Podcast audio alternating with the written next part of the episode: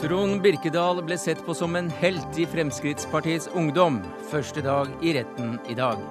Dramatisk i Syria. Norges holdningsløshet overfor landet smaker av hykleri, sier norsk-syrisk skribent. Anders Behring Breivik skriver på en kronikk. Vi er ikke klare for å lese slikt, mener filosof. Men hva sier norske redaktører? Og robotene snur Oslo Børs på hodet. De ødelegger aksjemarkedet, frykter Jan Petter Sissener.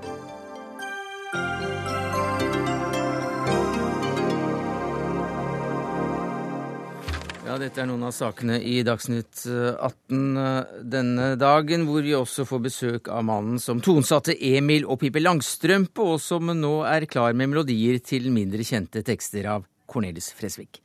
Men først skal vi til Stavanger, hvor rettssaken mot den tidligere ordførerkandidaten for Frp, Trond Birkedal, startet i dag. Birkedal ble som kjent beskyldt bl.a. for seksuell omgang med mindreårige og snikfilming av nakne gutter i dusjen. Og Johan Mile Laugeland, du har fulgt rettssaken som vår reporter. Hva har kommet fram i dag? Ja, For de som har fulgt denne saken eh, nøye siden eh, den sprakk i 20. mars i fjor, så var det ikke så mye nytt som, som kom fram i retten i dag. Trond Birkedal han har innrømma snikfilming av unge partivenner hjemme på badet, og han har òg sagt at han har lurt unge menn til å opptre nakne foran på nettet, men han nekter skyld for de to mest alvorlige tiltalepunktene, som handler om at han eh, ved to tilfeller skal ha hatt eh, seksuell omgang og utført en seksuell handling med gutter som var under 16 år, og begge disse fornærma forklarte seg i retten i dag. Og En av dem, eh, eller en 18-åring sa i dag at FPU var en slags sekt. Hva, ja. hva mente han med det? Altså Birkedal, Trond Birkedal han var, var store i ungdomspartiet. Han fikk æren for å ha bygd opp FPU etter Søviknes-skandalen, og i retten i dag så ble han av de fornærma omtalt som et idol og ei stjerne, og en det gjaldt å holde seg inne ved. Og Selv om mange reagerte på, på, kontakten Trond Birkedal hadde med de unge guttene i partiet, så var det ingen som grep inn.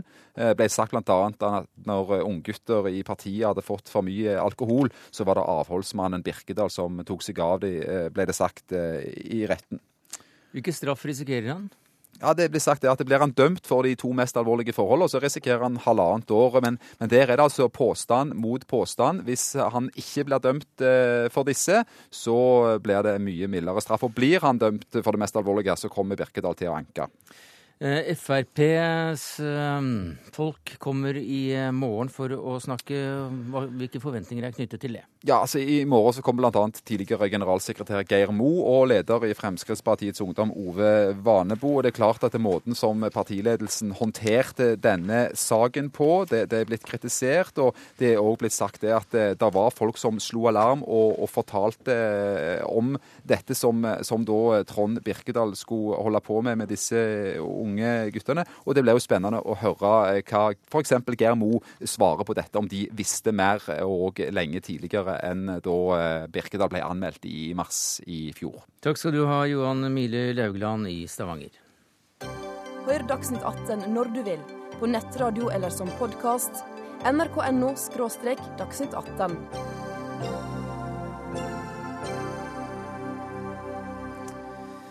Massemorderen skriver på en kronikk om det han kaller en latterlig rapport fra de sakkyndige. Det fortalte Anders Behring Breivik på fengslingsmøtet i går.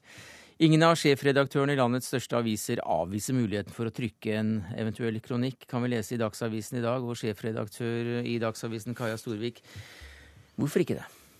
Altså, det har jo vært snakk om at han skulle skrive en kronikk som handler om hans syn på den sakkyndigrapporten. Det er jo ikke sånn at hva som helst som han ville satt på papiret, ville man vurdert å trykke.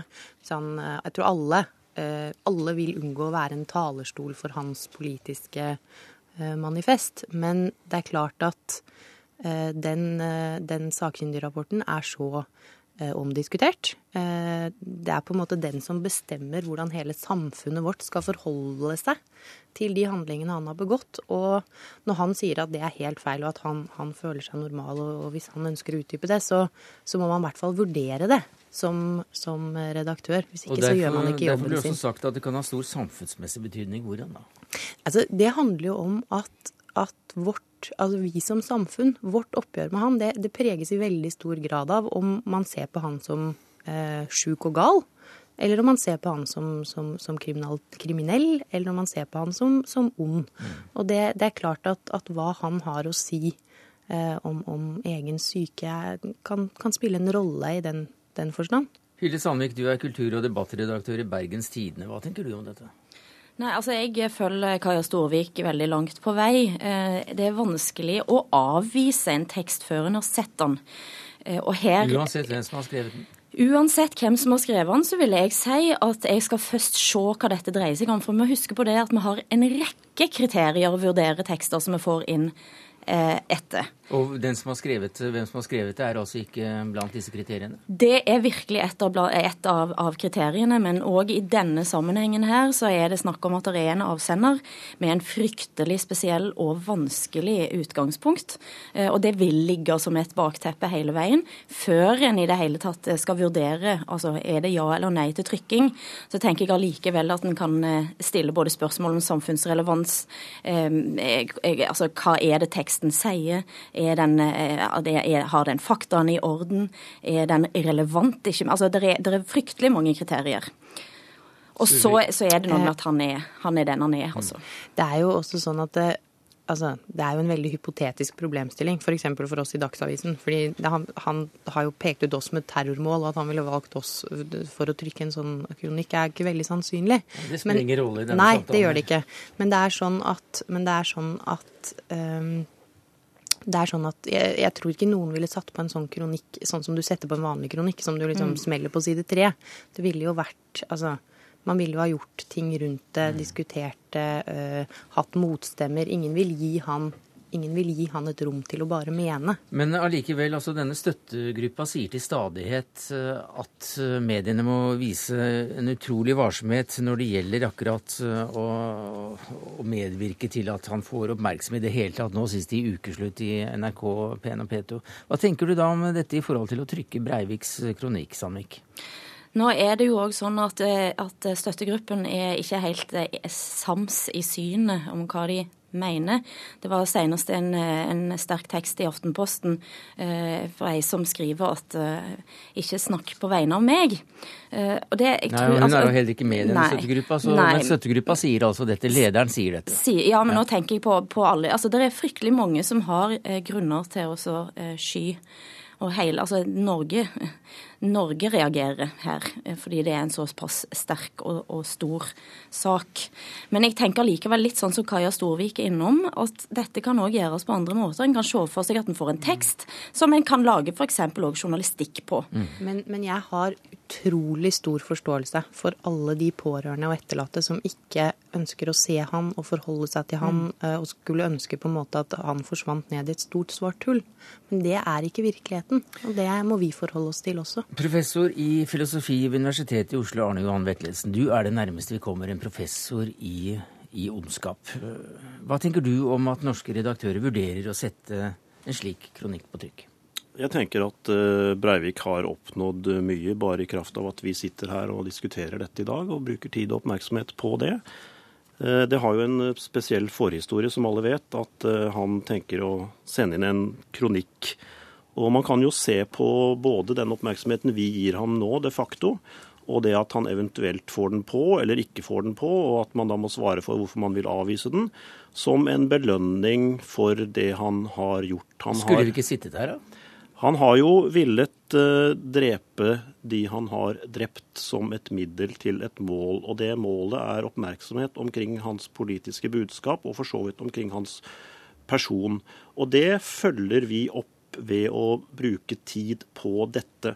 Og Man kan også si, i hvert fall spørre om det er en, en belønning å trykke kronikken. Eh, den trykkes jo da fordi det er han som har skrevet den, og enten den da er elendig skrevet, og det blir interessant hvis han motsier seg selv eller virker forvirret. Hvis den virker veldig klar og intellektuelt overbevisende osv., så, så blir det interessant. Så uansett hvordan den da er, så vil den bare forsterke denne oppmerksomheten. En annen ting er jo at hvem skal kunne gi et motsvar hvis han polemiserer mot de sakkyndige? De kan ikke svare ham offentlig. Egentlig så er ikke rapporten heller offentlig tilgjengelig. Selv om den er lagt ut på nettet og er tilgjengelig, så er den egentlig ikke det. Altså det er noe med at det er ikke en symmetri her som gjør at uh, noen kan forsvare det han eventuelt vil angripe. Det tredje er at han eventuelt publiserer det da samtidig som hans egen rettssak er rett rundt hjørnet. Og det så er også et innlegg i forhold til om han skal vurderes som strafferettslig tilregnelig eller ei.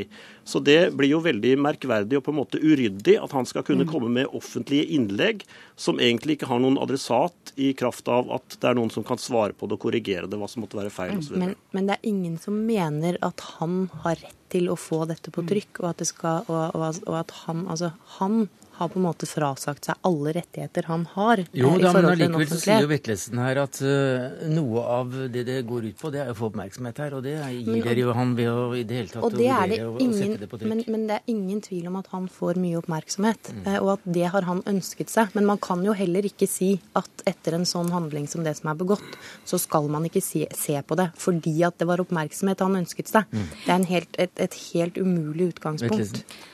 Spørsmålet er jo hvordan vi forholder oss til at han har eh, gjort disse drapene som et middel til et mål som er rent politisk. Og dette holder vi jo på med hele tiden. Jeg tenker det at vi kommer til å få denne problemstillingen i flere varianter fremover. Mm. Det kan være han plutselig sier det at han skriver på en bok. Det er mulig han har begynt på det allerede. Skal da et norsk forlag publisere den? Det har vi allerede debattert i Dagsnytt 18. Ja. Mm. Så det, det, kommer opp eh, hele veien. Og man kan si det er ikke noe alternativ å, å tie ham i hjel, men kanskje vi nå skulle ta en, en timeout på disse utspillene hans overfor media f.eks. frem til 16.4, eh, hvor det da vil balle på seg i månedene som kommer. Man kunne jo også velge å, å på en måte overse det og tenke at nå nå er det nok. Han prøver seg hele veien. Han vet at alle da må forholde seg hvis han har noen nye initiativer. Mm. Sandvik? Nei, altså jeg tenker, altså det, det, er et uh, argument som Vettelsen her kommer med som jeg mener er veldig relevant. og det er, det er, dette rettsrommet. En må huske på at en kronikk er noe helt annet enn det som skjer i retten. og Dette er midt under en, under en rettssak. og Det er òg et av de argumentene som en må vurdere hvis en skulle komme i den hypotetiske situasjonen å få en sånn tekst. Ja, Men den kan du vurdere allerede nå. For uh, kommer den, så kommer den. Og, og, ta, og, tiden går jo, og 16. april er ikke så lenge til. Det er rett rundt hjørnet. Ja, og, har... og, hva, hva med en timeout, da? Nei, men altså, jeg har jeg, jeg, jeg, I går um, så var det noen av ungdommene som sa at de så han og, og fikk denne uendelige lysten til latterliggjøring. Og det tenker jeg er kanskje en av de mest sunne reaksjonene som har kommet etterpå. Altså dette, dette behovet for å ja, nesten altså det detronisere gjennom, gjennom den latteren. Og det er jo òg en av grunnene til det, er jo nettopp at en har, fått, altså en har sett hva politiske utspill han har kommet med. Vi kjenner hans politiske brag. Vi, vi, har manifestet. Vi ser hvor forrykt det ser ut. Men eh, hva tenker du om, om tiden her, Vetlesen? Du har vært inne på at, eh, at Norge kanskje ikke, vi er kanskje ikke moden for det. Nei, Vi har vel ingen presedens i norsk rettshistorie for at en tiltalt offentlig da eventuelt polemiserer mot sakkyndige eller alle eller andre rett før saken hans kommer i retten, eventuelt samtidig. Så Det, det er det uryddige der med disse ulike nivåene. Men hva, annen, hva, hva, hva med tiden som, som, som, går, og at vi dermed kan være mer mottakelige for å lese noe han skriver? Ja, jeg vil eh, ikke si noe skråsikkert om hvorvidt det kan være riktig f.eks. å utgi noe han har skrevet om fem år eller ti år eller 15 år. Men tidsaspektet nå er at det enda bare er et halvt år siden det har skjedd. Vi har det nært innpå oss, både pårørende og som kollektiv. Og det vil kunne virke veldig skakende og støtende, det han eventuelt da måtte sette på trykk nå. Men det er jo klart at alt han gjør og sier, virker veldig skakende og veldig støtende. Og jeg tror hvis man skal ta hensynet til de pårørende, så er det sånn at som, som kollektiv og samfunn så vil kanskje det oppleves annerledes om ett år eller to år. Men det er klart for de som har mistet et mm. barn, mm. så har jo ikke mm. den tiden noe å si. Nei. Det skal vi komme tilbake til eh, eventuelt når den eh, tid kommer. Takk skal du ha, Kaja Storvik, sjefredaktør i Dagsavisen. Til deg, Arne Johan Vetlesen, filosof Universitetet i Oslo. Og til eh, deg i Bergen, Hilde Sandvik, kultur- og debattredaktør i Bergenstidene. Vi skal fortsette å snakke om noe lignende for dagen etter fengslingsmøtet, som altså da var i går, så preges altså forsidene på flere av landets aviser av meninger om massedrapsmannens mentale tilstand. Helt siden de to rettspsykiaterne satte stempelet 'utilregnelig' på ham, så har debatten om både diagnosen og sider ved rettspsykiatrien vært der. Og psykolog Bendik Gjevjon, du skriver i en kronikk i Aftenposten at tingretten viser at de ikke forstår noen ting når de oppnevner to nye psykiatere til en ny vurdering av Breivik. Hva er det de ikke forstår? Altså det, det jeg vektlegger, det er jo en, en litt mer refleksjon rundt uh, altså den faglige sammensetningen eh, som er nødvendig for en rettspsykiatrisk prosess. Og jeg, altså, jeg, mener jo at det er helt nødvendig med både det medisinske fagfeltet og det psykologiske fagfeltet. Og da på en måte uansett motiv eller årsak, så tenker jeg jo at eh, når du nå for andre gang har en rettspsykiatrisk prosess hvor på en måte psykologer er på sidelinjen, så må det tematiseres. Uten at jeg vet grunnen til det, men jeg tenker at det, jeg tenker det reflekterer et veldig sånn overfladisk eh, og en sånn overfladisk forståelse av måte hva som kreves for et rammeverk i forhold til en god, forsvarlig rettspsykiatrisk prosess. Hva sier du til det, Ina Strømstad, som eh, tingrettsdommer i Oslo og her som medlem av mediegruppa? Altså det er viktig utgangspunkt at eh, fra lovgivers side så er det ikke noe plikt til å oppnevne en eh, rettspsykolog, men det er en eh, anledning til det. Samtidig så sier loven at dersom partene er enige om de sakkyndige som skal oppnevnes, så skal retten som hovedregel følge det. Denne saken og beslutningen der skal ikke jeg uttale meg konkret om, men ut fra hva jeg forstår av det som er lagt ut på domstolens nettside, så var det fem navn som ble foreslått eh, av Mette Yvonne Larsen eh, som representant for flere bistandsadvokater. Av de to, eller to av dem var rettspsykologer. Så var ingen av dem aktuelle fordi de var inhabile. Så her er det tilfeldigheter og ikke et styrt syn om at psykiatere egner seg bedre enn psykologer for den slags arbeid? Ja, jeg konstaterer i hvert fall at de to som ble foreslått, de var eh, ikke aktuelle fordi de var inhabile. Og at de som da ble valgt, det var de to det var, eh, ikke var innsigelser til fra påtalemyndighetens side. Ja, ikke sant? Det er det her som jeg ettersøker. da. Den refleksjonen rundt at du, har jo på en måte en rettspsykiatrisk prosess som er så stor, hvor hele nasjonen er involvert. Og så på en måte, så på en måte er det to da, rettspsykologer som viser seg ikke være habile og så er det liksom OISAN.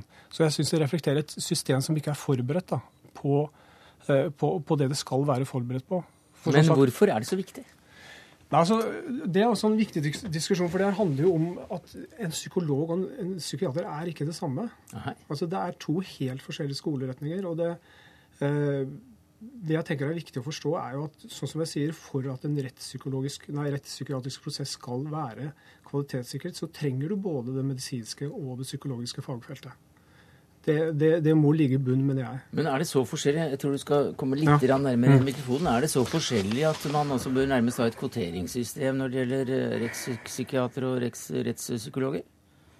Altså jeg, jeg, skriver jo det, det, må være en fast ordning tenker ja. jeg, i bunnen. Ja. Hvor i alle rettspsykiatriske prosesser så må det være én rettspsykolog og én rettspsykiater. Og det, det, det, må ligge i bunnen, tenker jeg. Fordi at oppfatningene om eh, f.eks. hvordan man setter en diagnose er så forskjellig? Altså, det her handler om rett og slett kvalitetssikring av den rettspsykiatriske prosessen. Men er psykologene eh, bedre til å kvalitetssikre? Nei, nei altså, det hadde blitt helt feil med to psykologer. Mm -hmm. Det hadde blitt helt feil med to psykiatere. Én eh, psykolog og én psykiater. Da på en måte har du et rammeverk som, som, ligger i bunn, tenker jeg, som er solid. Men sånn som jeg må si, altså, du vil aldri få en kontroll eller forsikring hva en rettspsykolog eller rettspsykiater, nei, rettspsykiater kan finne på. Men har du et rammeverk i bunn, som sier at det skal alltid være en rettspsykolog eller en rettspsykiater, så har i hvert fall systemet gjort det det kan gjøre. Men dette er en slags profesjonskamp? Nei, det, jeg vil ikke si det. Jeg vil si at det er, eh, jeg vil si, sånn som jeg skriver, det er, det er et rettssystem som, som i altfor stor grad har en overfladisk forståelse mm. av uh, hva som må ligge i bunn uh, for en rettspsykiatrisk Pål Hartvig, du er spesialist i psykiatri, og du er tidligere rettspsykiater, og du forsker nå på rettspsykiatri. Hva tenker du om dette? Nei, jeg tenker jeg kan si som en kuriositet, så kjenner jeg noen eh, rettspsykologer som faktisk kunne oppnevnes begge to som de eneste. Så det, det vil også kunne gå an. Men det er allikevel ikke bare gammel tradisjon og legedominans som gjør at psykiatere med den riktige bakgrunnen er svært, og de som i størst grad kan være eh, mest kompetente til dette. Og det skyldes jo psykiaternes tradisjon med også utenom rettssaker hele tiden å bedømme alvorlige sinnslidelser hele tiden i det vanlige psykiske helsevern så dreier det seg om hele tiden å bedømme hvor alvorlig er sinnslidelsen. Er det grunnlag for tvangsinnleggelse? Osv. osv. Og og det er helt parallelt overførbart mm. til de rettspsykiatriske observasjoner. Ja, Hva sier du til det? Uh, altså, Jeg er ikke enig. Uh, jeg, jeg er ikke enig i, i forhold til Ikke som en profesjonskamp, absolutt ikke. Men, men at, at Men det, det, legges opp til her altså at psykiatrien, psykiatere, er bedre skikket? Ja, men altså, det, det, det, viser jo på en måte det her eh, Altså, For å bli psykolog altså Det er et psykologisk univers. Det krever enormt mye. Det er seks år. På samme måte som det krever enormt mye for å bli psykiater og skolert i medisin. Og jeg, hvis du gjør det her til en sånn profesjonskamp, jeg tenker det, det er veldig uheldig. Det handler om å anerkjenne at på en måte en psykolog representerer en kunnskap som er helt unik, som er nødvendig, og en psykiater gjør det samme. Men du kan ikke slå dem sammen. Og du kan du ikke si at på en måte du skal sånt, du skal ha et biologisk eh, stempel på en psykisk lidelse som skal gjøre at en psykiater skal være eh, mer suveren, for å bruke det ordet, enn en psykolog. Det tenker jeg det er helt feil. Nei, jeg mener ikke at eh, en psykiater er mer suveren. Men jeg mener at de, i dag, i dagens situasjon, så vil det ikke være tror jeg, grunnlag for rekrutteringsmessig å ha obligatorisk en psykolog i hver enkelt uh, observasjon, pga. Det jeg sa i stad. Men jeg må nesten tilbake til, nesten til utgangspunktet. Og hvis du kan være kort og veldig pedagogisk og veldig greit fortelle meg, hva ville forskjellen vært? Hva er forskjellen på en psykiater og en psykolog i, i en slik sammenheng? Nei, altså, det, det, går jo på, sånn som jeg sier, at en psykolog er skolert i normalpsykologi, for det første. Det er ikke, det er ikke en psykiater. Uh, måte, ja, hva innebærer det? Altså, hva nei, altså, det er Kognitiv psykologi, utviklingspsykologi, personlighetspsykologi. Ja. En, en, en, på en måte, som er en kompetanse man må ha respekt for. Ikke sant? Og som, eh, på, på, samme måte som, Ja, jeg er delvis skolert i sentralnervesystemet, men jeg vil aldri si jeg er skolert i det sammenlignet med, med, med sidemannen min her. Og det handler, om, det handler ikke om profesjonsstrid, det handler om gjensidig respekt for hva som må ligge i bunn, sånn som jeg sier, for en forsvarlig mm. rettspsykiatrisk prosess. En annen ting du tar opp i kronikken, og som vi skal snakke om mot slutten av, av denne sekvensen her, er at psykiaterne har, har, makt, for, har en for stor makt over domstolene, skriver du i din kronikk.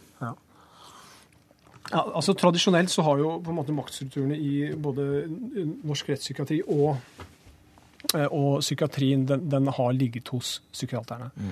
Og med den så følger en medisinsk tenkemåte som er viktig, men som i altfor stor grad mener jeg har fått en sånn patentstempel på virkeligheten. Som, som, som, og jeg tror jo alle anerkjenner at en, når én tenkemåte får lov å dominere for mye, så er det er ikke heldig for den kan lett stagnere. Kjenner du deg igjen i dette, Ina Strømstad, som eh, tingrettsdommer i Oslo? Nei, ikke hvis eh, utspillet er at eh, vi nærmest slavisk følger de sakkyndige i ett og alt. Men hvor mange ganger er det dere avviser de sakkyndiges vurdering? Ja, jeg har ikke tall på hvor ofte vi overprøver det. Eh, normalen eh, er at vi følger det, og det er jo for så vidt ikke så rart.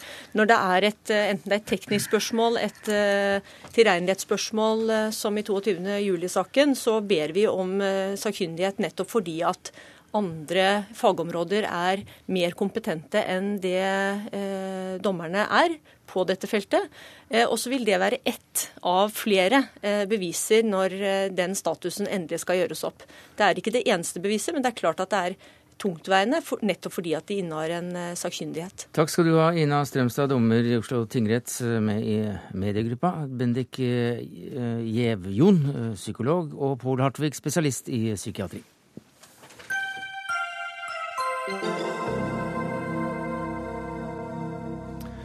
Mens angrepene på den syriske byen Homs nå har vart i eh, fire dager, har den russiske utenriksministeren hatt samtale med Syrias president i dag.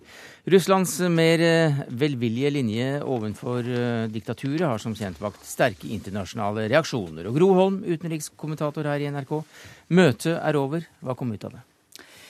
Ja, det kan man spørre seg. Eh, eh, Lavrov, sier altså Russlands utenriksminister, sier at Assad er villig til en dialog. Han sier at Russland har tatt til orde for å bygge videre på den arabiske ligaens plan. Eh, den inneholder jo også et punkt for øvrig om at Assad skal gå av. Og om Lavrov har faktisk sagt til Assad at han bør gå av, det vites ikke. I så fall ville vi heller ikke fått vite det. Eh, men eh, det er altså ikke noe, ikke noe, håndfast gjennombrudd på noen som helst slags måte. Men han sier at Assad er villig til dialog. Han sier at han er villig til å øke gruppen av observatører fra Den arabiske liga. De trakk seg for øvrig ut i slutten av januar, så det er snakk om å få dem tilbake. Men et lite skritt i riktig retning, er det slik det tolkes av dere kommentatorer? Eh, jeg tror ikke det tolkes som noe særlig gjennombrudd eller noe særlig skritt i det hele tatt. Dette mm. er russernes forsøk på å ikke ramle av banen, så å si, i eh, Syria-diplomatiet. Eh, det er mer der man må se det, enn som egentlig noe skritt verken fram eller tilbake i det store eh, spillet om å få til en endring av regimet i Syria. Lavrov eh, kommenterte selv hvor viktig det har vært, og, og nøyde seg vel med å si at det hadde vært svært nyttig. Hva, hva betyr det? Nyttig betyr at uh, man har utvekslet synspunkter, at han vel da føler han får, har fått gehør for at uh, her må det reformer til. Altså, det er heller ikke noe veldig nytt, fordi Assad selv innså jo det allerede før jul, at her må det noen reformer til. Han sier han har ferdig et, et grunnlovsutkast som skal ut til folkeavstemning. Uh, det er jo et grunnlovsutkast som selvfølgelig ikke er utarbeidet med opposisjonens hjelp uten. Eh, så det, det, har ikke så veldig stor tillit og troverdighet i opposisjonen. Men han sier altså at det, Assad har en viss forståelse for at det må reformer til. Men eh, det er ikke kommet noe signal om at han har noe forståelse for noen videre reformer enn det han tidligere har gitt uttrykk for. Torgeir Larsen, som eh, statssekretær i Utenriksdepartementet, ser du noe nytt i dette besøket? Det er vel ikke store nyheter som meldes på, på kanalene. Det er også det vi har å forholde oss til. Eh, men det er klart at eh, det at eh, Russlands utenriksminister er i Syria og prater med presidenten, er i seg selv kan være viktig. Men vi har da vært rimelig klare på at Russland har tatt på seg et veldig stort ansvar i denne sammenhengen ved å blokkere, sammen med Kina, den arabiske ligas fredsplan, som var utgangspunktet for da majoriteten av Sikkerhetsrådets medlemmer. Eh, i forrige uke. Mm. Men det at eh, Syrias president eh, åpner opp for at Den arabiske liga, liga bør komme tilbake, og da med en forsterket styrke, er ikke det noe positivt? La oss se hva som ligger i det. Det er klart at Dersom det fører til en situasjon der Den arabiske liga igjen er villige til å gå inn med observatører. De trakk jo da observatørene ut fordi de mente sikkerheten og oppdraget var, var vanskelig eller umulig. Hvis det nå er en utvikling eh, der hvor Den arabiske liga finner eh, det riktig eh, og mulig å igjen gå inn med observatører, så vil det selvfølgelig være positivt, tror jeg. Så får vi da se om, om det kan være realiteter i det. Eh, en erfaren diplomat som Hans-Wilhelm Longba sa til Søndagsavisa her eh, på NRK at, at, Russland aldri ville ha lagt ned veto i Sikkerhetsrådet om de ikke hadde tro på at regimet i Syria står sterkt. Deler du hans analyse? Jeg tror at eh, det å spå om, om framtiden i Midtøsten og i Syria, det er, det er vanskelig. Det er jeg nokså sikker på, og jeg tror mange andre også er rimelig sikre på er at Syria vil på en eller annen måte ikke bli som det var. Hva som ligger i det nye, det får vi se. At det regimet som sitter i Damaskus nå, eh, på en eller annen måte eh, vil forandres, det føler jeg meg rimelig sikker på. Gro Holm, eh, hvordan vil du kort beskrive situasjonen i, i landet i dag? Den er jo fryktelig dramatisk. Det er, en, det er jo væpnede konflikter Eh, flere steder i landet som jeg har vondt for å se at bare skal legge seg, og at man skal glemme det. Eh, så eh, på en eller annen måte så tror jeg at Assad også blir nødt til å gå i dialog med opposisjonen. Og det er jo det han sier også nå, at han for så vidt er villig til. Eh, problemet er jo at opposisjonen ikke har vært villig til å diskutere heller med ledelsen uten på visse betingelser. Takk skal du ha, Gro Holm, utenrikskommentator her i NRK. Vi skal eh, fortsette å snakke om Syria i eh, Dagsnytt 18, for Norges holdning og vilje til å reagere på situasjonen i landet trekkes nå i tvil. En holdningsløshet som begynner å smake av hykleri, skriver du i en kronikk i Aftenposten i dag, skribent Sara Asme Rasmussen. Eh, hva går denne holdningsløsheten ut på, ifølge deg? Det jeg mener med dette, er at eh, Utenriksdepartementet og statsråd Jonas Gahr Støre eh, ikke har brukt eh, tid, ikke har kommet med klare uttalelser gjennom den syriske krisen, som har vart frem nå snart i et år, med drap på sivile, angrep på boliger og, og drap på 400 barn frem til nå. Eh, og den siste uttalelsen som har kommet nå, eh, den pressemeldingen i Utenriksdepartementet, er eh, altfor svak og har kommet altfor, altfor sent. Ja, du etterlyser et ansvar Unnskyld at jeg avbryter deg der du sitter i Stockholm. Eh, du etterlyser et slags ansvar. Hvilket ansvar? Ja, altså jeg er enig med kritikk, enig i kritikken som har kommet fra både Høyre og Venstre, altså partiene Høyre og Venstre, eh, om at eh, Norge har en viss innflytelse og noen pressemidler mot sin allierte Russland, som ikke er blitt benyttet i dette tilfellet. Og det er tydelig gjennom språkvalget i pressemeldingene fra Utenriksdepartementet. Jeg kan også gjøre, må få bare lov til å nevne også en, en pressemelding jeg har lest om at utenriksminister Jonas Gahr Støre vil drøfte står det, eh, det som skjer i Syria, i margen av utenriksministermøtet i Østersjøområdet. Altså bruken av ordet 'drøfte' og 'margen' her er alarmerende når Norge anser seg selv som mm. en, eh, et symbol på fred, et land som prøver å spre menneskerettighetskultur i resten mm. av verden. Alarmerende, Torgeir Larsen, fremdeles da statssekretær i UD. For det første så vil jeg veldig klart si eh, at eh, vi reagerer sterkt på det som skjer i eh, Syria i øyeblikket. Hvorfor bruker du ikke sterkere ord da? Vi har brukt sterke ord. Utenriksministeren har brukt sterke ord. Han har fordømt voldsbruken på det sterkeste. Vi har gjennom hele året bak oss, fra i mars i fjor, hvor volden begynte, tatt opp det som skjer i ulike sammenhenger. Vi har stått bak i Menneskerettighetsrådet, i FN. Eh, vi eh, gjør vårt ytterste. Samtidig har vi vært veldig tydelige gjennom de siste ukene på at vi støtter opp om Den arabiske liga sin, eh, sin fredsplan. Det er en ny utvikling og en gledelig utvikling at Den arabiske liga har en så tydelig mm. stemme. Som vi sa i stad. Men hva sier du til dette, da? Det er alt i orden, Rasmussen?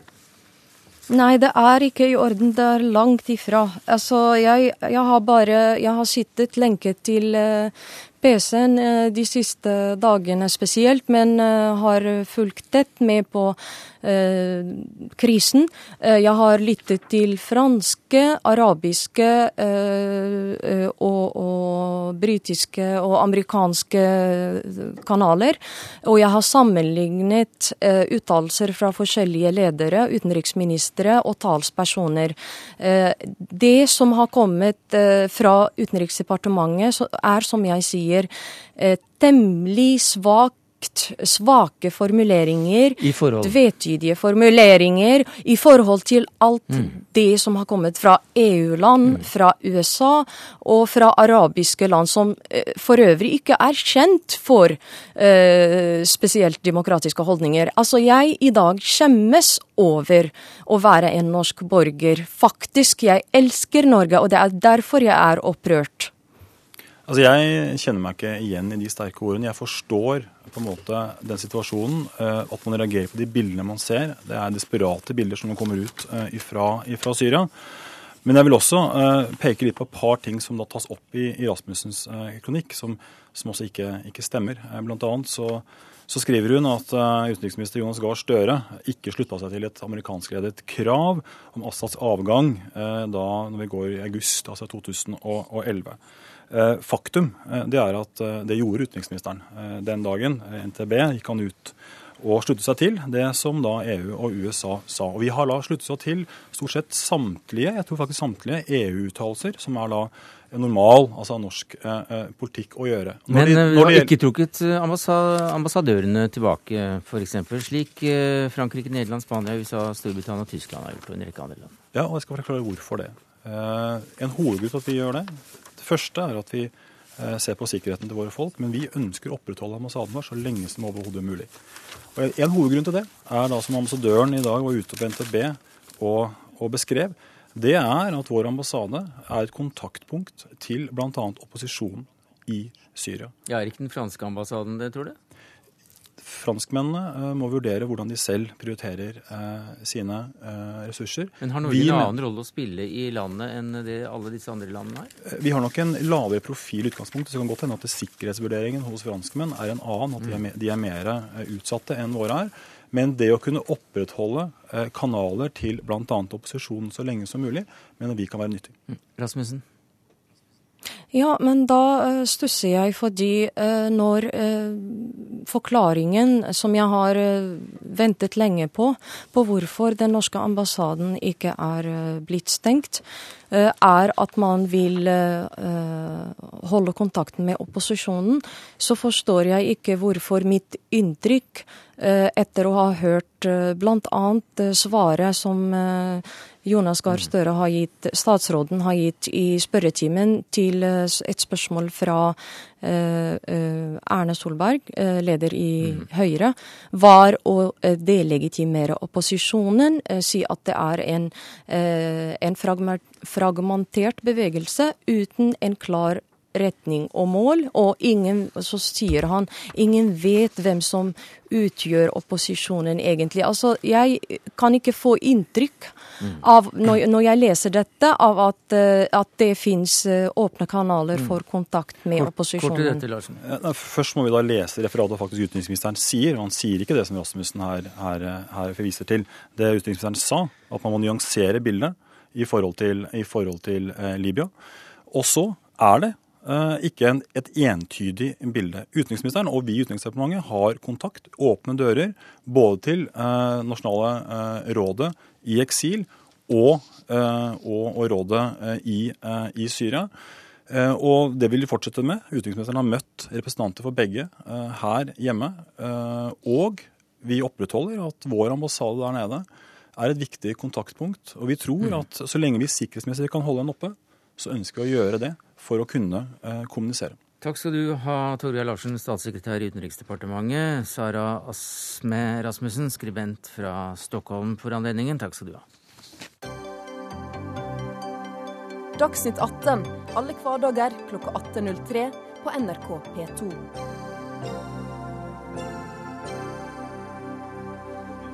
Ja, lenge før Gordon Gekko gjorde grådighet til en dyd i filmen Wall Street, har mekleryrket vært forbundet med raske penger og dyr og dynamisk livsstil. Men eh, akkurat det bildet er i ferd med å endre seg. I dag slår nettstedet E24 fast at aksjerobotene er i ferd med å snu meklerbransjen på hodet. Martin Sommerseth Jaer, du er kåret til Norges nest beste shippinganalytiker i 2010. Og for oss som ikke har fulgt helt med i Dagens Næringslivs serie om dette fenomenet roboter, så får du nesten fortelle oss eh, hva disse gjør. Hvordan fungerer det? Nei, altså en, en aksjerobot er jo eh, ikke en robot i det man forbinder med det. Altså det er et dataprogram eh, som eh, baserer sine handler på et sett med variabler, som jo endrer seg hele tiden. Det kan være alt fra oljeprisen til, eh, til Statoil-kursen, og så handler man da i andre verdipapirer på bakgrunn av endringene i disse variablene. Og dette går veldig, veldig, veldig raskt. Du kan si at det er en automatisert handelsform. Du har ikke en megler som trykker på kjøps- eller salgsknappen. Det er en datamaskin som fatter den beslutningen. Hvor, hvor raskt går dette her? Det kan gå på, på mikrosekunder. Mhm. Raskere enn du kan blunke. Ja. kjøp og salg. Og ikke bare kjøp og salg, men også at man legger inn en, en ordre som jo eh, i det neste millisekundet er fjernet for å eh, justere, eller eh, du kan nesten si manipulere opp et, eh, et ordrebilde, sånn at andre skal tro at enten er mer kjøpsinteresse eller salgsinteresse i et, en aksje eller en, et annet verdipapir enn det det i virkeligheten er. Og hvorfor er dette en suksess? Dette er jo en suksess fordi eh, datamaskiner er jo, i alle fall når det gjelder sånne enkle beregninger, eh, mye, mye raskere enn det et menneske er. Eh, de kan ta lynraske beslutninger som et menneske ikke, ikke klarer. Hva gjør dette med hele meklingsbransjen og vårt syn på aksjer og, og børs? Jan Petter Sissener, du er leder av Sissener AS og har vært med i finansbransjen i mange, mange år. Ja, det Jeg tror ikke det gjør så mye med meglerbransjen. Det er alltid behov for en eh, mellommann som kan være en proaktiv rådgiver. Ja, men det slutter jo med kunde. meglere nå, gjør det ikke det? Ja, at eh, det har blitt litt folksomt i meglerbransjen, det skal jeg være den første til å skrive under på. Det er altfor mange meglere. Men, men, eh, og det, lønnsomheten har jo vært der. Man har hatt forventninger om å få kan man si, fete lønninger og enda fetere bonus, og det har jo vært tilfellet de siste ti årene. Eh, gjerne separere megleryrket som sådan og dette med roboter, fordi roboten er en uting. De er, som det blir påstått her, programmert til å, handle aksjer. De er ikke programmert til å eie aksjer. De er programmert til å misbruke markedsinformasjon på en måte som tidligere var straffbart. Så eh, det er en uting. Eh, Det viser seg jo at en tredjedel av disse robotiserte ordrene ble kansellert i løpet av 16 mikrosekunder.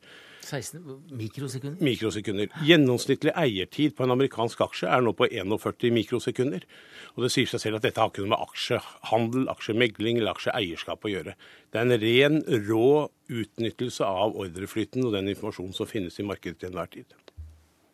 Ja, altså jeg, jeg vil jo si at eh, når det gjelder denne manipuleringen av prisene, helt riktig. Men når det gjelder eh, hva man kan si er, er aksjemeglerens eller aksjemarkedets viktigste oppgave, altså eh, få, et likvid marked, en riktig pris, det at man automatiserer mye av dette her, og får datamaskiner til å utføre handler, til å utføre kjøp og salg, istedenfor at en megler skal sitte og trykke på knappen, det syns jeg er veldig bra. og Det gjør at man kan få meglerne til å gjøre andre ting, f.eks. starte eh, app-applikasjoner i, i California og sånn. Ja, for du, du er i ferd med å trekke deg ut av, av meklerbransjen eh, som sådan. Er dette en av grunnene, at disse robotene har kommet og gjort det litt kjedeligere? Ja, altså, Robotene er jo bare en del av du kan si, den, den større strukturelle endringen her, hvor man har eh, internett som gjør at eh, in informasjonen flyter mye mye raskere enn det den gjorde før. På, på 80-tallet så fikk man en, en, en telefaks. Nå sender man en e-post til tusenvis av,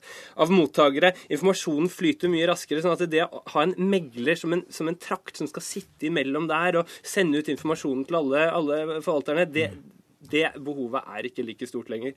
Er ikke? Eh, hvis man oppfatter at, oppfatter at eh, megleryrket er å sende informasjon til en forvalter som allerede har stått på internett, så tror jeg man ikke har forstått så mye av hva megleryrket egentlig dreier seg om. Er kåret til en av de beste innen shipping, da? Han av- Analytiker, ja. Analytiker. Det er ikke sikkert at du som analytiker har peiling på hva megleryrket er. Men du, eh, i år så, så ble en tredje frikjent for eh, manipulasjon av roboter, mens Folketrygdfondet er redd de blir manipulert. Altså, jeg tror ikke Folketrygdfondet behøver å være redd for at de blir manipulert. De blir manipulert. Det gjør oh, ja. vi også. Ok. Eh, Det en del av disse robotene har til oppgave, det er jo å prøve å finne ut om det er reelle ordrer, genuine ordrer i markedet. Og i det øyeblikket de oppdager at det er genuine ordrer i markedet, så frontrunner de disse ordrene. Disse robotene, eller high speed trading, som det kalles, tjener massivt med penger. Noen betaler de pengene, og det er de menneskene som utfører ordrer, genuine ordrer til daglig. Ja, for Vi leste jo om denne svenske tidligere aksjeguruen som eh, hadde tapt alt var det på 90-tallet, og som da vant alt tilbake. Vi snakker om milliarder av kroner ved hjelp av disse robotene. Så, så det gir jo helt uante muligheter for å skaffe seg formuer, og det er vel av en viss interesse hos kundene deres. Altså, hvis det er eh, slik man ønsker eh, å ha en børs, så kan man gjerne ha det. Jeg tror ikke det er det en børs er til for. Børsen er en markedsplass hvor man skal kunne kjøpe og selge eh, annons, eller aksjer i annonsmarkedet. Kan dette rokke ved hele børsen, så å si? Altså, det er ingen tvil om at det rokker ved likviditeten. Det gjør også som, som betyr at eh, avkastningskravet til investorene stiger, for risikoen stiger. Dette er jo helt på marginen. Hva vil det gjøre med verdiene her? Det gjør ikke noe særlig med verdiene, for de er jo der. Eh, har du en aksje, så er, har den en verdi. Uansett hvordan den svinger eh, intradag eller intrauke på en børs. Men kan det ha noe å si for økonomien som sådan? Ja, jeg, jeg mener jo det. Altså det, det. det, viktigste her er jo at man får riktig prissetting på, på aksjene. og bra likviditet i markedet. Eh, og, og, ved at man da frigjør mye eh, tradere, f.eks. At de, de, de, mister sine muligheter for arbitrasje. Det er robotene som tar over dette her. Det mener jeg er bra og gjør at man kan redusere finansbransjens størrelse, eller antallet som jobber i disse megler... Ja, for ifølge Finanstilsynet så har også over 500 ansatte forlagt bransjen, og inntjeningen i bransjen har stupt med 70% de siste tre årene. Skyldes robotene? Nei, Det er jo selvfølgelig to sider her. Det ene er det, det sykliske. Eh, det går ikke fullt så bra i verdensøkonomien som det gjorde i 2007. Eh, det andre er jo det regulatoriske. Eh, og det tredje er jo selvfølgelig, mener jeg, da dette er mer strukturelle. Svisner, dere benytter dere av roboter, kanskje? Nei. For oss er dette et prinsipp, og det gjør vi ikke. Men det er ingen tvil om at vårt handelsmønster er annerledes. Eh, og det rammer norske meglerfirmaer. Eh, vi bruker mye mer kapital hos eh, våre motparter. Takk skal du ha, Jan Petter Sissener, megler og forvalter og leder i Sissener AS. Til deg, Martin Sommerseth Jahr, aksjeanalytiker, gründer i eget firma akkurat nå.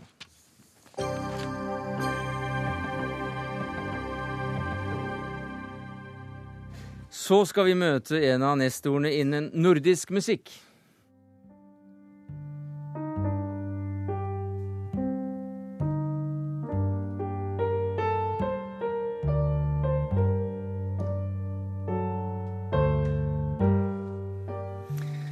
Ja, En bitte liten smakebit av eh, deg og pianisten Jonas Østholm. Velkommen til oss, Georg Riedel. Takk så mye. Det var noe à la Jan Johansson og Jazz på svenska vi hørte, og, og, det var vel litt av hensikten akkurat med denne låten? Ja, det var det faktisk. Ja.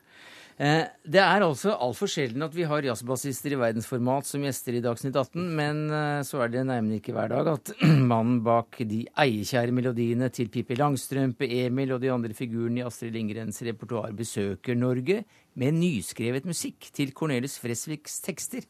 For det er akkurat det du har gjort. Hva slags album er det du har laget nå? Ja, altså det, det er jo ikke en, et, et plagiat av Cornelis sett å skrive musikk. Utan det är mina, min egen uppfattning om hur hans, att hans texter egentligen är ganska vemodiga och innehåller mycket svarta, mörka drag också. Och jag skrev redan när han levde några sånger åt honom, så att jag tyckte liksom jag hade rätt att få fortsätta med det. Ja, den Rosenblad-visa er jo vakker og berømt. Ja. ja. Men du samarbeidet altså med, med mester Kies på 60-tallet. Satte melodier til eh, Det var to, i alle fall. Eh, ja, faktisk flere, men det er kanskje to som har overlevd. Hvordan var det samarbeidet? Ja, alltså, vi träffades nesten ikke alls utan Nej. jag fick texterna och sen så gjorde jag melodierna och sen var jeg ikke ens med på inspelningen. Mm. Jag vet ikke varför, jeg tror kanskje jeg hadde noe annet jobb alltså, så jeg kunde ikke. Så att jag, hade, jag fick egentligen någon, aldrig någon direkt reaktion från honom. Ja, för det var ju samma miljö. Han var ju över sig jazzintresserad och du ja. var jazzmusiker. Vi gjorde, hade, strax innan hade vi gjort lite turnéer mm. i eh, folkparkerna i Sverige. Där han tillsammans med Jan Johansson. Eh, men jag måste erkänna att jag aldrig riktigt lärde känna honom nära. Nej, det gjorde jag inte. I morgen skal eh, du og, og dette bandet fra, som spiller på, på den nye plata, uh, opptre på Josefines viseklubb i Oslo. Senere i år så skal dere vel da til uh, Vossejazz ja. ifølge annonsen. Uh, ja, det stemmer. Uh, midt i april. og akkurat denne viseklubben i Oslo er du knyttet til, Lars Klevestrand. Og du har selv sunget med Riedel. Hva slags bassist er det du sitter ved siden av nå? Oh. det var litt av et spørsmål. Nei, han er jo en eh, kjempe. En, eh, en, altså det er en sånn tyngde i det spillet som jeg nesten ikke hører på noen bass. Mm. Sånn er det med meg. Eller for meg, da, i hvert fall. Her skulle være sånn, Arild Andersen møtes. I og for seg, da. Men en tyngde og en, en, trygghet og et nærvær i det som er helt utrolig. Du har selv sunget med han? Ja, vi hadde en konsert på Josefine Visescene for noen år siden. Med, mm. Hvor vi tok et tverrsnitt av Georgs musikk. Hvor, du, hvordan ser det tverrsnittet ut? Ja, Det er ikke snaut. Eh, han har jo skrevet ballettmusikk, eh, film og fjernsyn. Altså, Du nevnte Astrid Lindgren. Det er jo musikk til filmene, barnefilmene. Pippi Langstrømpe, ikke minst. Som Ja, alle går som han vel overtok etter Janne Johansson, som Ja, det døde. Ja, det stemmer. Men eh, jeg har også s- letta opp eh, ellers. Du har en utrolig verkliste med større verk for kor og større jazzensembler. Men for meg, naturligvis, altså innfallsporten for meg som så mange andre av vår generasjon, så var det nettopp jazz på svenska. Den bassen man hører der. Hvordan Og er den mest berømte bassgangen eh, nordisk bassist noen gang har eh, spilt? Hvordan er den, Georg? dum, ding, dum, dum, tror att det er den tonarten også. Hvordan Ja. kom du på den, eller var det Jan Johansson, pianisten, som skrev den? Det var Jan Johansson som kom på själva, strukt, eller själva skissen til det her. Till alle de här jazz på svenska, det var han. Og jeg var veldig förvånad når vi kom inn til studion for att det var bare han der. Og jeg tenkte, jeg frågade honom, var kommer alla, när kommer de andre musikerna? Det er ingen som skal være her, det er bare vi som skal spille. Det var ganske ovanligt på den tiden. Men eh, siden så, så fikk jeg mange fine impulser gjennom Georgs fine strykerarr på svenske viseplater. Hvor liksom strykerne smøg seg inn på eh, Personiga Persson og mm. på Fred Åkerstrøms eh, nydelige plater. Og så kom denne her som jeg hadde tenkt å overrekke offisielt til NRK, eller tilbake eh, denne plata. når Ser at det står et er nummer på den her, ja. Ja, det er et sånt fjerns... Altså, det er sånn eh, grammofonarkivnummer, har jeg oppdaget. jeg må ha lånt den en gang, og så nå må jeg bort og levere den fra meg. Fem- er, det er synd det ikke er TV. Så hermed så er platebiblioteket orientert om at platenummer 56 eh, 596 59612, Bananskivan, med utrolige morsomme viser til tekst av Lennart Helsing, med dobbelt bunn. Altså, det er den ukjente bananens grav, det er hvor bananene er, og hva de tror, og allting. Får jeg spørre, hvor lenge har du lånat den der? Ja, det tør jeg ikke si. Men Rill, hva, hva er det for noe med, med barn og den barnemusikken? For det er, det er det de fleste forbinder med, med ditt navn. Mm, ja, jag kan ju säga att när, innan jag började skriva barnmusik så tyckte jag det var helt ointressant och jag var nesten nästan generad när jag först eh, fick uppdrag. Jag vågade inte berätta för mina jazzkollegor att jag gjorde det för jag tänkte att de skulle skratta ut mig. Men sen frågade jag om de ville vara med och spela och då var de hemskt gärna och var väldigt uppfinningsrika och väldigt barnsliga också. Så att eh, sen, det var Astrid Lindgren som mig att vara, ha respekt för barnkultur och sen dess har jag hållit på med det nästan hela mitt liv. Hvordan var samarbeidet med henne? Ja, det var inte så eh, märkvärdigt det heller. Hon var en ganske ganska, väldigt professionell person och jeg jag fick texter av henne med små vänliga ord. Kan du göra en liten visa till den här texten? Och så gjorde jag det och sen var det inte mycket mer prat om den saken. Men eh, du, du nevnte også så vidt her at eh, kanskje den mest kjente, i hvert fall her i Norge, Pippi Langstrømpe-visen, den eh, gjorde du eh, fordi eh, din kompanjong og medarbeider og venn Jan Johansson tragisk nok omkom i en bilulykke da han var i ferd med å tonsette melodier til, til Lindgren. Ja. Hvordan kom den i stand? Alltså själva Pippi Långstrump-melodin, den gjorde Jan Johansson selv. Oh ja. Och sen, eh, det var det enda som fanns kvar då, som, vi, som fanns en liten provinspelning på. Så, så utgick jag ifrån den och så gjorde jag bearbetningar och sen så småningom så vågade jag också göra helt eh, självständiga visor, mer och mer. För att det, det var väldigt svårt att överta jobbet efter en nära vän som hade omkommit på det viset. Eh, nå er du på en slags eh, turné med et ensemble som også eh, spiller og synger Cornelis sine viser. Litt hentet fra en av Nordens mest kjente Fresvik-kjennere, nemlig Jan Erik Vold. Og, og Mhm. hans samlinger av, av dikt som ikke er så kjent. Eh, jeg tenkte at vi skulle høre litt av datteren din. Ja. Ja. Og, og jeg har jo selvfølgelig da valgt eh, denne Jan Johansson-visen eh, der eh, Ja, hva heter den? Kom et piano? Ta hit et piano, sa Jan Johansson. Ja. Sa også Cornelis Fresvik i sin Ja. Og teksten går videre på at Johansson skal også ha beordret en nobel bass. Ja. Og et, en mikrofon. Ja. Og et eh, studio. Og sånn låter den på vi, eh, fra plata. eh, Cornelis versus Riddle. Spelemän fanns och på på 1600-talet men de låter sig ej höras Detta sa Jan Johansson är vällan galet Något måste genast göras. Ta hit ett piano, sa Jan Johansson. Och en Nobelbas och så en mikrofon. Och skaffa oss en studio någonstans ifrån Sen sköter jag musikurvalet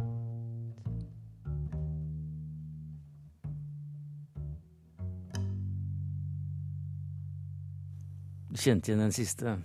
Ja, der var den jo. Det Mhm. lille. Jag kunde inte låta bli att citera detta. Det var en liten hälsning. Datteren din har en uh, vakker stemme, en, eh, en egen karriere. Eh, hvem var det vi ellers hørte? Hva sa du, hvem? Hvem var det vi ellers hørte? I- För övrigt var det Jonas Østholm Mm. som spilte piano. Det er en eh, plate som har, eh, er nominert til Grammy-pris. Det stämmer. Um, du er i gang med en liten turné eh, som her i Norge eh, da eh, går på Josefines jazzklubb i kveld. Mm. 15. april er det Vossjazzen. Hva er det du er i gang med nå ellers? Hva slags musikkstykker er det du er opptatt av nå? Jeg holder på og skriver musikk til Albert Aaberg. Ja. som kommer på te televisjon. Eh, masse avsnitt. 13 avsnitt.